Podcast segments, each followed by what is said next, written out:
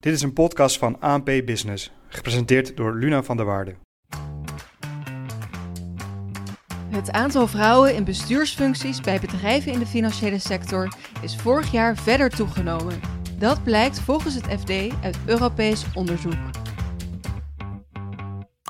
Ik spreek hierover door met Brit Blomsma van Ebbingen. Wil je jezelf kort voorstellen? Ik ben partner. Um, Ebbingen richt zich op de werving en selectie op het executive niveau, zowel in het bedrijfsleven als in het publieke domein. Uh, daarnaast op interim management en op opleidingen uh, voor leiders in Nederland. En ik zelf leid het team dat zich richt op het brede publieke en maatschappelijke domein. En ik ben eh, binnen Ebbingen ook een van de trekkers op het onderwerp diversiteit en inclusie. Dankjewel, welkom. Wat vind je ervan dat het aantal vrouwen in bestuursfuncties is toegenomen? Ja, dat is natuurlijk heel goed nieuws. Ik denk dat hè, talent en leiderschap uh, is natuurlijk gelijk verspreid over alle groepen die onze samenleving rijk is. Dus dat we voorheen uit toch een hele kleine groep eigenlijk altijd aan het putten waren voor onze leiders. Daarmee hebben we onszelf denk ik enorm tekort gedaan. En dat we dat nu uh, breder trekken, ja, dat is geweldig. Ja, en, en hoe komt het dan volgens jou dat, dat in 2022 voor het eerst evenveel vrouwen als mannen tot uh, bestuurslid zijn benoemd? Ik denk dat er een aantal dingen samenkomen. Uh, wat je natuurlijk ziet is dat um, er heel veel aandacht is, al langer op diversiteit als het inderdaad gaat om de balans tussen mannen en vrouwen. Maar dat is natuurlijk intussen veel breder, aandacht voor diversiteit. Uh, dat is maatschappelijk zo, daar zijn mensen mee bezig, daar zijn organisaties mee bezig. Het wordt gezien als van toegevoegde waarde. Onderzoeken wijzen erop dat het van toegevoegde waarde is. Uh, en daarnaast is er natuurlijk ook wetgeving sinds kort op dit moment nog gericht op de grotere bedrijven. Maar ik denk dat er op deze manier een aantal dingen, hè, maatschappelijke uh, bewustwording en wetgeving, komen bij elkaar. En laten dus nu concrete resultaten zien. Ja, want je hebt het over wetgeving. Daarmee bedoel je, denk ik, vrouwenquotum. Ja, dat is nog gericht op vrouwen. Ja, ja.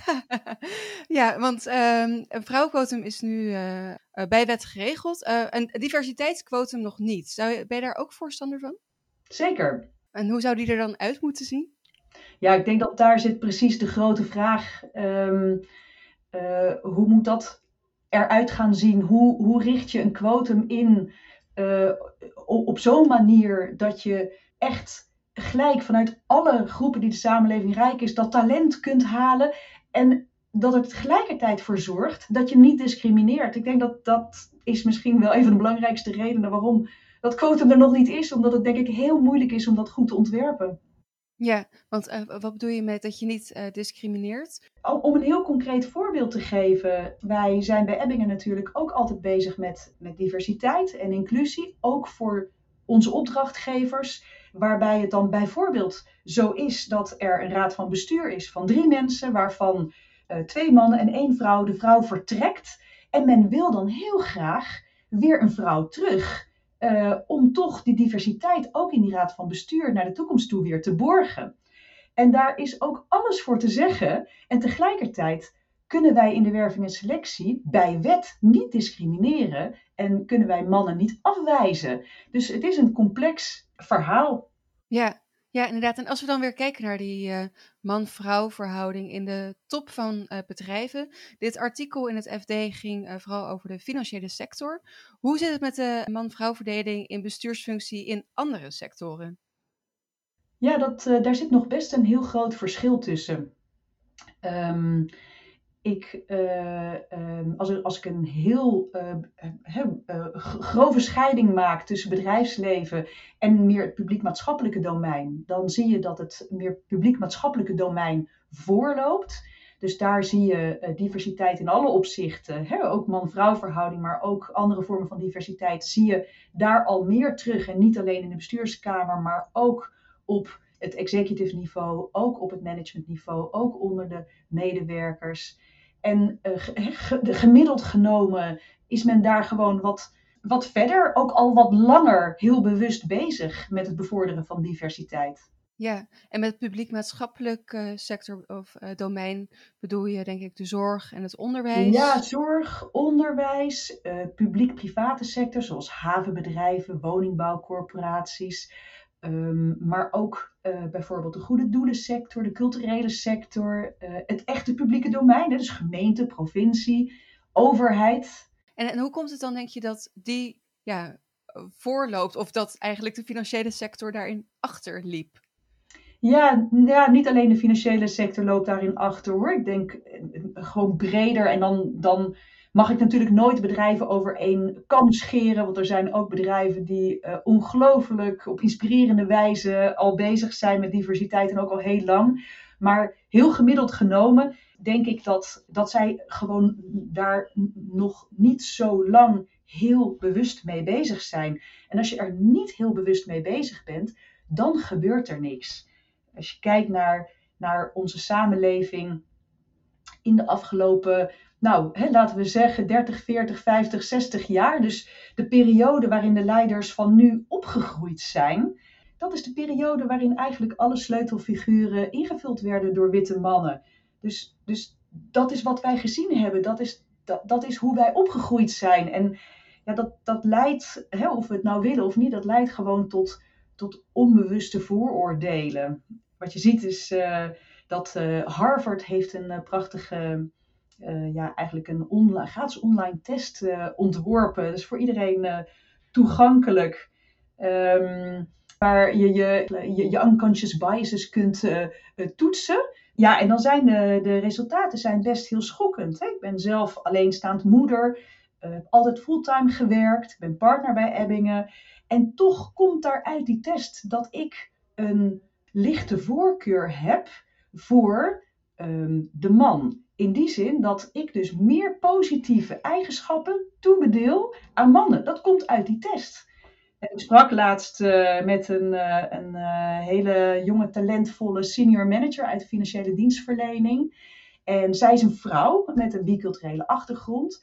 En zij kende de test, had het ook gedaan. En zij zei: Bij mij komt eruit dat ik een lichte voorkeur heb voor eh, de, voor de witte man.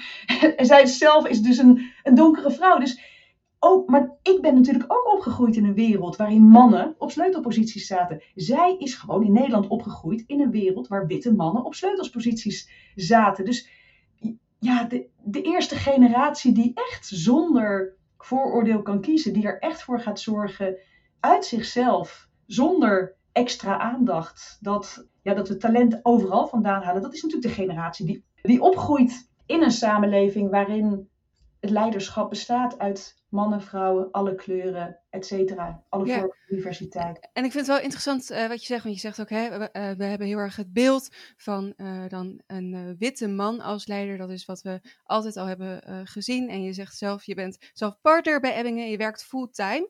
Denk je ook niet dat dat misschien meespeelt? Dat heel veel mannen fulltime werken en heel veel vrouwen niet. Waardoor de kans misschien wat kleiner is dat een vrouw een, ja, een topfunctie bemachtigt. Ja, ik denk daar zitten, daar zitten twee kanten aan. De, de ene kant is dat natuurlijk niet iedereen een topfunctie wil.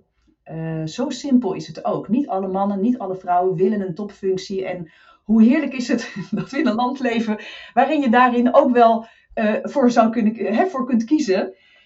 Maar de andere kant is dat sommige vrouwen heel graag die topfunctie willen.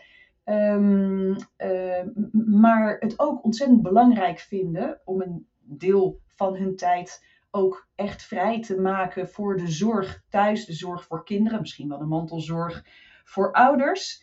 En het, het gekke is dat, uh, kijk naar de gemiddelde bestuursvoorzitter of de gemiddelde CEO, die werken niet fulltime in die functie. Die zijn allemaal ook commissaris bij 1, 2, 3, 4 andere grote bedrijven. Dat zijn zware rollen. Of ze zijn daarnaast hoogleraar of docent. Ze zitten in de Eerste Kamer. Um, noem het maar op. Dus de meeste uh, mensen op topfuncties werken helemaal niet fulltime. Die hebben hele grote nevenfuncties. En dat vinden we heel gewoon. Zeker als het mannen betreft. Um, maar op het moment dat we niet fulltime werken, maar niet daarnaast commissaris zijn, maar thuis voor kinderen zorgen, dan vinden we dat opeens, ja, dan toch, daar kijken we dan toch heel anders naar. Dus het zit ook gewoon tussen onze eigen oren. Ja, ja en, dan, en dan zowel zit dus ons eigen oren dat dus vrouwen die uh, parttime werken en of een deel van de tijd voor hun kinderen zorgen, bijvoorbeeld geen CEO kunnen worden. En uh, dat een witte man over het algemeen, zowel door vrouwen als door mensen met een andere achtergrond, een witte man eerder als leider wordt gezien. Hoe kan dat nou anders? Wat moet er nou veranderen? Ja, ja. Ik denk dat je het heel goed samenvat. En wat er moet veranderen is, uh, wij moeten ons gewoon met elkaar realiseren dat het niet vanzelf gaat. Er is aandacht voor nodig. Je moet af en toe iets forceren. Het is nou eenmaal zo dat bijvoorbeeld vrouwen gemiddeld genomen minder ervaring hebben in executive functies dan mannen. Want mannen hebben altijd de kans gehad om die ervaring op te doen, meer dan vrouwen. Maar talent en leiderschap is natuurlijk wel gelijk verdeeld. Dus we moeten ook durven, we moeten durven investeren in talent en niet altijd zoeken naar het lijstje wat je allemaal kunt aanvinken en, en zoeken naar iemand die het al een keer gedaan heeft. Want dan, dan blijf je toch wat meer in dezelfde kring rondlopen. En gelukkig komen er in die kring van hele ervaren executives ook steeds meer vrouwen. En ook steert steeds meer mensen met bijvoorbeeld een andere culturele achtergrond. Maar dan zie je wel dat in dat kleine groepje, dat dat kleine groepje klein blijft. En dat die mensen die daar al onderdeel van uitmaken, enorm overvraagd worden. Terwijl er een ongelooflijk potentieel zit aan steengoede en talentvolle mensen. Die dan toch nog niet diezelfde kansen krijgen uh, als bijvoorbeeld een man. En dat gaat dan over die unconscious bias. Zet een man en een vrouw naast elkaar als twee eindkandidaten. Allebei voldoen ze nog niet helemaal aan het profiel. Allebei zijn ze super talentvol. En de hele raad van commissarissen of raad van toezicht kiest voor de man. Want dat geeft toch meer comfort. En ja, wat is dat dan? Dat is die, die diep gewortelde um, soort van herkenning. Misschien de zwaarte van de stem. Misschien een bepaalde uitstraling van een man die we herkennen in onze meester toen we klein waren, of in de dominee of in de dokter. En, en we moeten ons realiseren dat dat zo is en daar niet van weglopen en dat niet ontkennen. En als je dat realiseert, dan begrijp je ook hoeveel er nog nodig is en, en, en wat we allemaal met elkaar moeten doen om dat te overbruggen. Ja, werk aan de winkel dus. Werk aan de winkel, ja. ja. Dus daarom quote hem ook zo ontzettend goed. En, en mag dat van mij uitgebreid worden? En moeten we misschien ook nog een keer goed naar de wetgeving kijken? Hè? Niet dat ik een voorstander van discriminatie de andere kant op ben, maar ja, zou er misschien iets, zou er iets meer ruimte moeten komen voor positieve discriminatie? Duidelijk. Brit Blomsma van Ebbingen, dankjewel. Dankjewel. Dit was een podcast van ANP Expert Support, in dienst van ANP Business. Deze expert staat in de bronnenbank van ANP. Zie ook anp.nl/experts.